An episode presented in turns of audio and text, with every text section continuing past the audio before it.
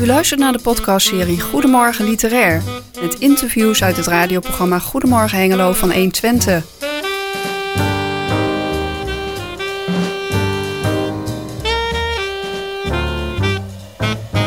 In deze aflevering gaan Jos en Chris in gesprek met Rick Meijer over zijn young adult roman met soundtrack Autumnville.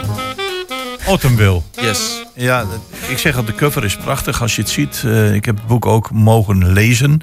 Eh, En hier in de aankondiging, ik zit op een van de sites die, eh, ja, die, die jouw boek beoordeeld heeft, de recensie.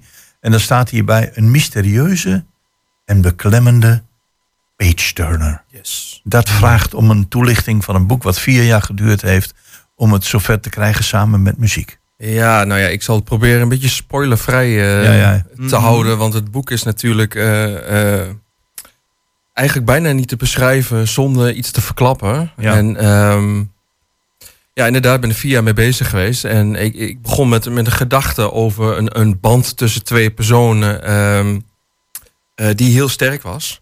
En vanuit daar ben ik eigenlijk begonnen met een, een verhaal eromheen te schrijven. En ehm, ja, het verhaal hè, gaat dus over een jongen die, die een, een, een kinderboekenwinkel of een boekenwinkel mag afsluiten eh, voor het eerst. En op, hij heeft alles gecheckt, alles gecontroleerd. Er is niemand meer in de, in de winkel. En op het moment als hij de boel afsluit buiten eh, en, de, en de sleutel in het gat steekt, hoort hij in één keer een, eh, een meisje om zijn hulp schreeuwen en om zijn naam schreeuwen. Alleen er was niemand meer in de winkel. En dus ja, hoe kan dat? Dus hij fietst angst, ja, vol angst fietst hij weg. En eh, hij vertelt het niet aan zijn ouders, wel aan zijn beste vrienden. En dan begeeft hij zich langzaam op een pad. ehm, wat heel heftig is. Hè, waar, eh, waar eh, dingen uit het verleden naar boven komen. Ehm, En dat is, ja, en verder kan ik eigenlijk niet zo heel veel over zeggen. Want Ja, het, het, is, het, is, het, is, het is heel mysterieus. Wat, wat, wat ik zo bijzonder vind in het boek, en een heleboel mensen die dat in de recensie schrijven, schrijven dat ook. Je kunt eigenlijk het boek niet dicht doen.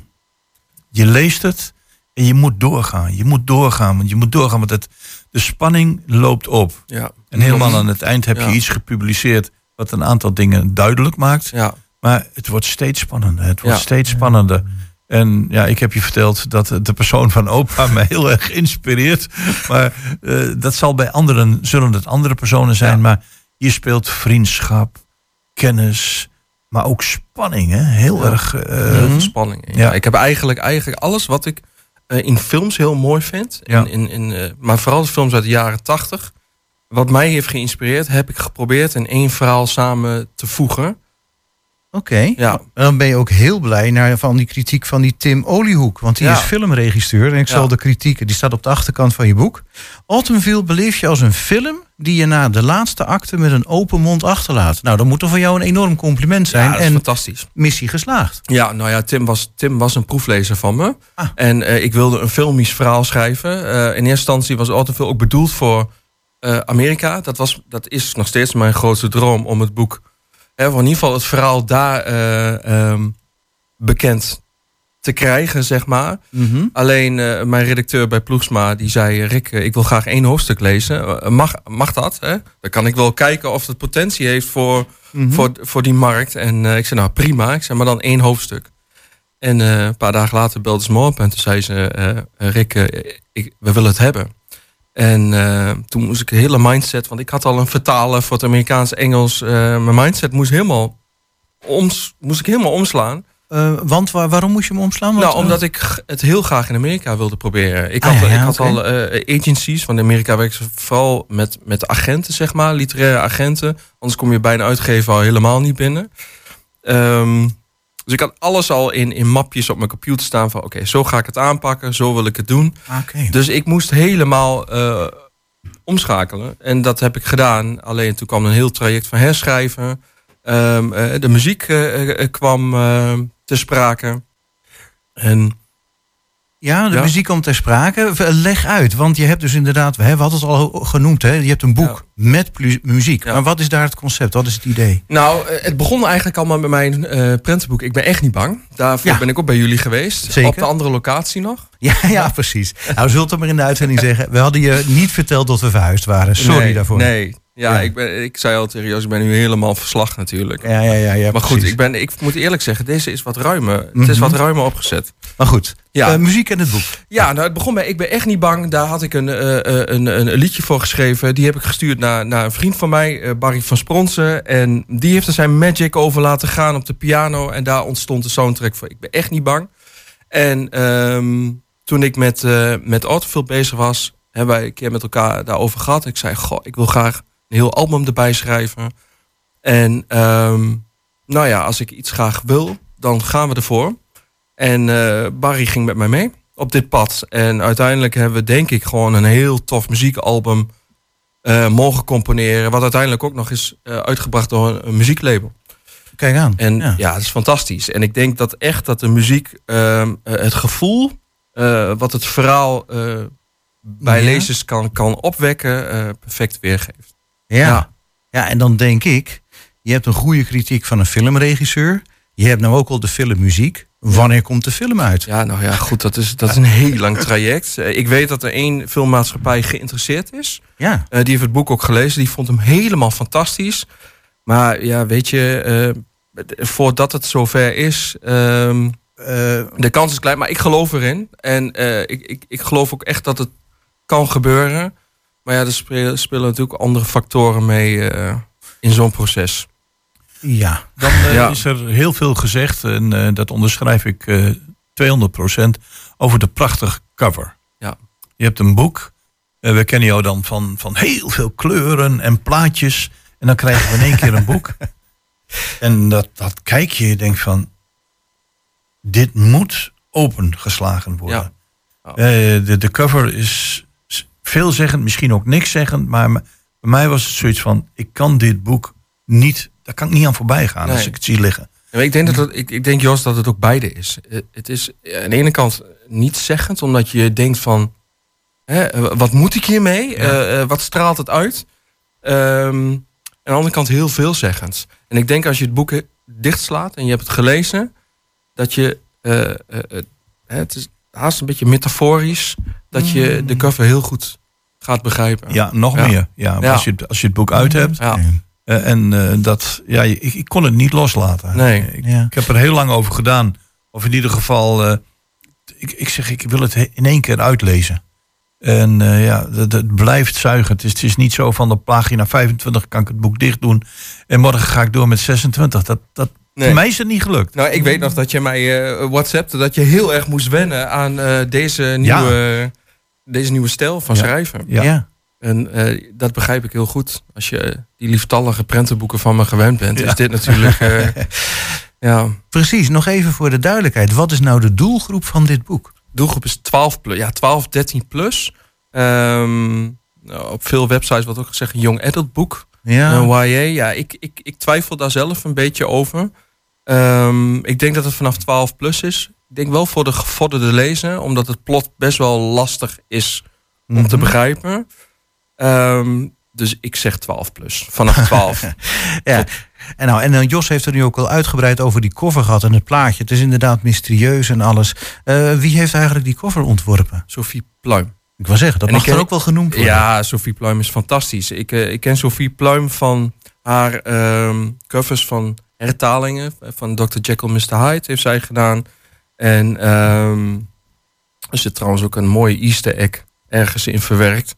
maar dat verklap ik verder niet. Ehm, Oh. En ik wilde haar heel graag hebben voor deze cover. En Ploegsma was het eh, daarmee roerend eens. Dus ja, weet je. En dan, Eén maak je, nou, nou, dan ga ik net zo lang kijken tot ik iets vreemds aan die, kaft, aan die cover zie. Maar goed. Nee, nou ja, niet per se de, de cover, maar er, er zit nog wel iets meer in. Ja, ja. Ja. Ja. Nou goed. Een, een van- een van de dingen die mij ook fascineerde, los van, eh, van de rol van opa, daar gaan we niet al te veel vertellen. Maar ik zie dat helemaal voor me met, met mijn kleinkinderen. Dan denk ik vertellen over vroeger, want ja, vroeger blijft toch fascineren. Eh, maar er zit ook een hele sterke band in die te maken heeft met vriendschap. Ja. En eh, ik neem aan dat je daar bewust voor gekozen hebt. Een beetje vrienden voor het leven eh, tussen Ja. de, de, de twee maatjes. De twee maatjes, Hugo en Mikey. Ja, dat, ja maar dat, dat, dat, dat gaat gewoon organisch, Jos. Ja? Ehm, ik denk dat het sowieso belangrijk is om, om ehm, als het een heftig verhaal is, om ook wat contrast erin te hebben. Dus er moet wat humor in zitten. Er moet wat. eh, Ja. ik denk dat het heel belangrijk is. Ja. En Hugo is een denker. En ehm Mikey is een doener. En eh, onbevreesd, die gaat overal voor. Maar ook hij heeft zijn rugzak. Ja. En ehm, hij wil Hugo beschermen ten koste van alles. Maar dat komt ook weer ergens door. En ehm, zo heb ik geprobeerd om een beetje balans te vinden in mysterie, drama, trillen en ja, ook wat humor en Maar toch ook wel voor de jeugd geschreven. eh, Absoluut. Ja, uiteindelijk wel. Ja. In eerste instantie heb ik het boek voor mezelf geschreven. Eh, ik wilde gewoon iets schrijven waarbij mijn creatieve brein en mijn interesses in de jaren tachtig films en alles wat mij geïnspireerd heeft eh, eh, als schrijver, maar ook als, als filmliefhebber, om dat te combineren in een verhaal.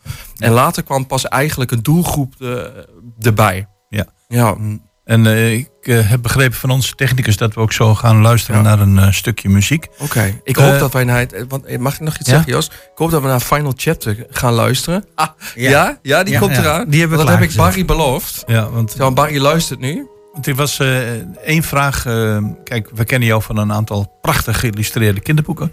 Nu kennen we jou van Autumnville. Ga je van het pad af of zeg je van er komt ooit weer een prachtig geïllustreerd kinderboek? Of wordt het een tweede of een andere Autumnville? Ehm, eh, er zit een open eind in. Ah, een vervolg. eh, nee, nee, nee, Oh. nee. Dat is niet, eh, niet bij intentie, maar er er is een mogelijkheid. Nee, nee, ik ben met Jade van Pingwing. Ja, ja. Jade van der Zalm, de illustrator van Pingwing, een prentenboek. Zijn wij bezig met een nieuw prentenboek. Ah, Oké. En ja, En je mag zelf even het nummer aankondigen, nogmaals, ook voor Barry. Ja, voor Barry. Ja. Speciaal voor Barry is dit. eh, mag ik er nog iets over zeggen Ja. trouwens? Eh, eh, Barry heeft Final Chapter geschreven, dit nummer.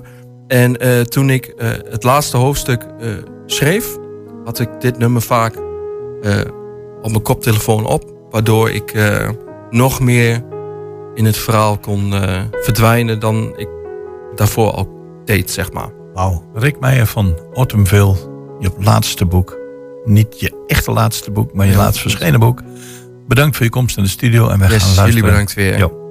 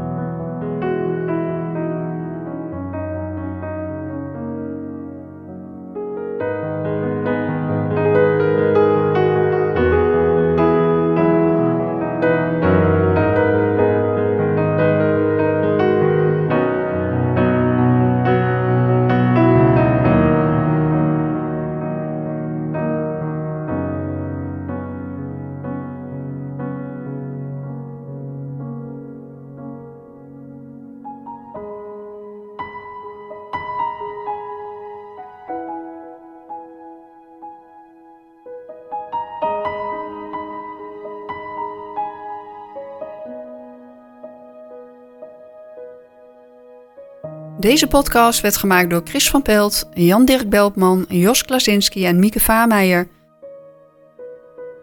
Bedankt voor het luisteren en graag tot de volgende podcast.